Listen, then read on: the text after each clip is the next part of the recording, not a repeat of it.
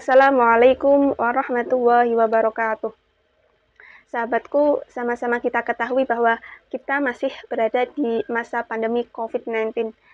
Penularan virus di luar sana masih uh, cukup mengkhawatirkan. Oleh karena itu, kita masih terus memperlakukan peraturan pembatasan sosial.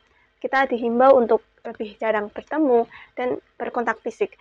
Bagi kita yang merupakan makhluk sosial, tentu uh, peraturan pembatasan sosial ini menjadi sesuatu yang sangat menyebalkan.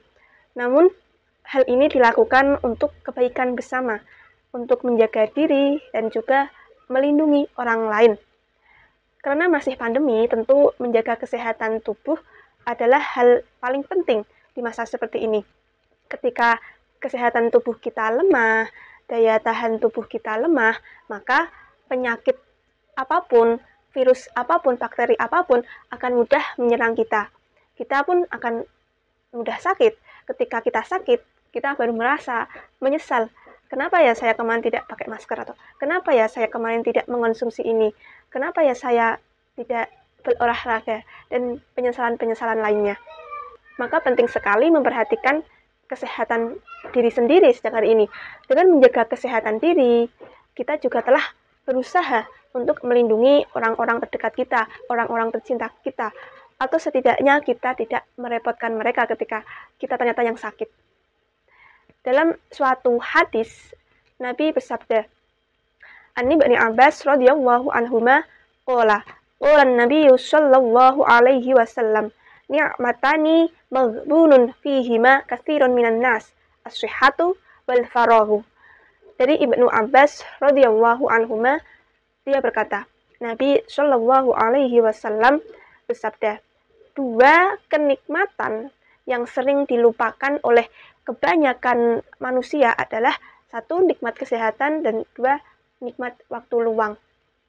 Secara tidak sadar, kebanyakan penyakit itu datang dari uh, kita yang salah mengonsumsi makanan, tidak mengatur pola makan atau tidak peduli kandungan nutrisi yang baik dibutuhkan oleh tubuh mengonsumsi makanan sehat, bersih, dan bergizi juga termasuk contoh yang diajarkan oleh Rasulullah Shallallahu Alaihi Wasallam.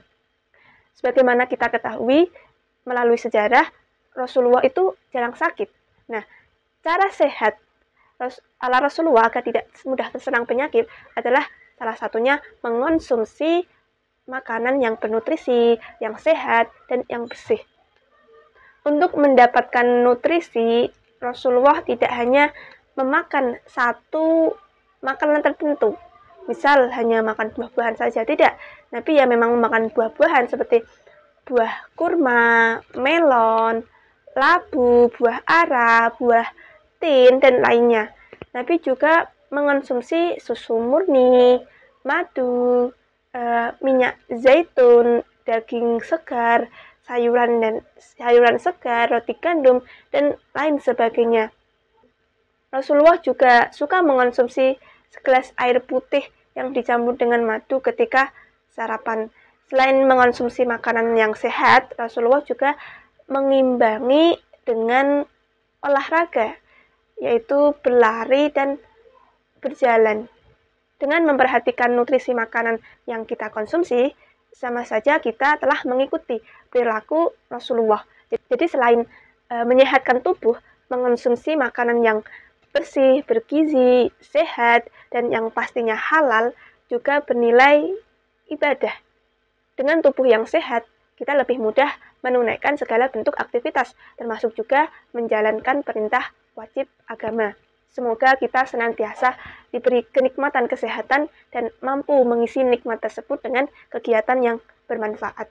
Sekian dari saya, semoga bermanfaat. Assalamualaikum warahmatullahi wabarakatuh.